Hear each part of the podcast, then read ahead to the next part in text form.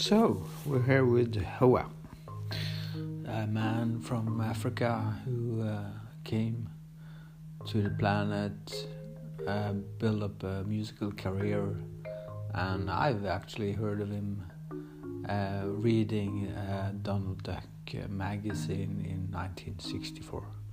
There, uh, I discovered an autograph in the back of the magazine near the crossword section and uh, I immediately got connected to this uh, mysterious person. Uh, saw the saw the great movie by Mr. Tamaguchi in '71, uh, of course, and uh, and later got to know him personally by visiting his uh, grandmother in the Antarctic, where she lives in the igloo from another planet.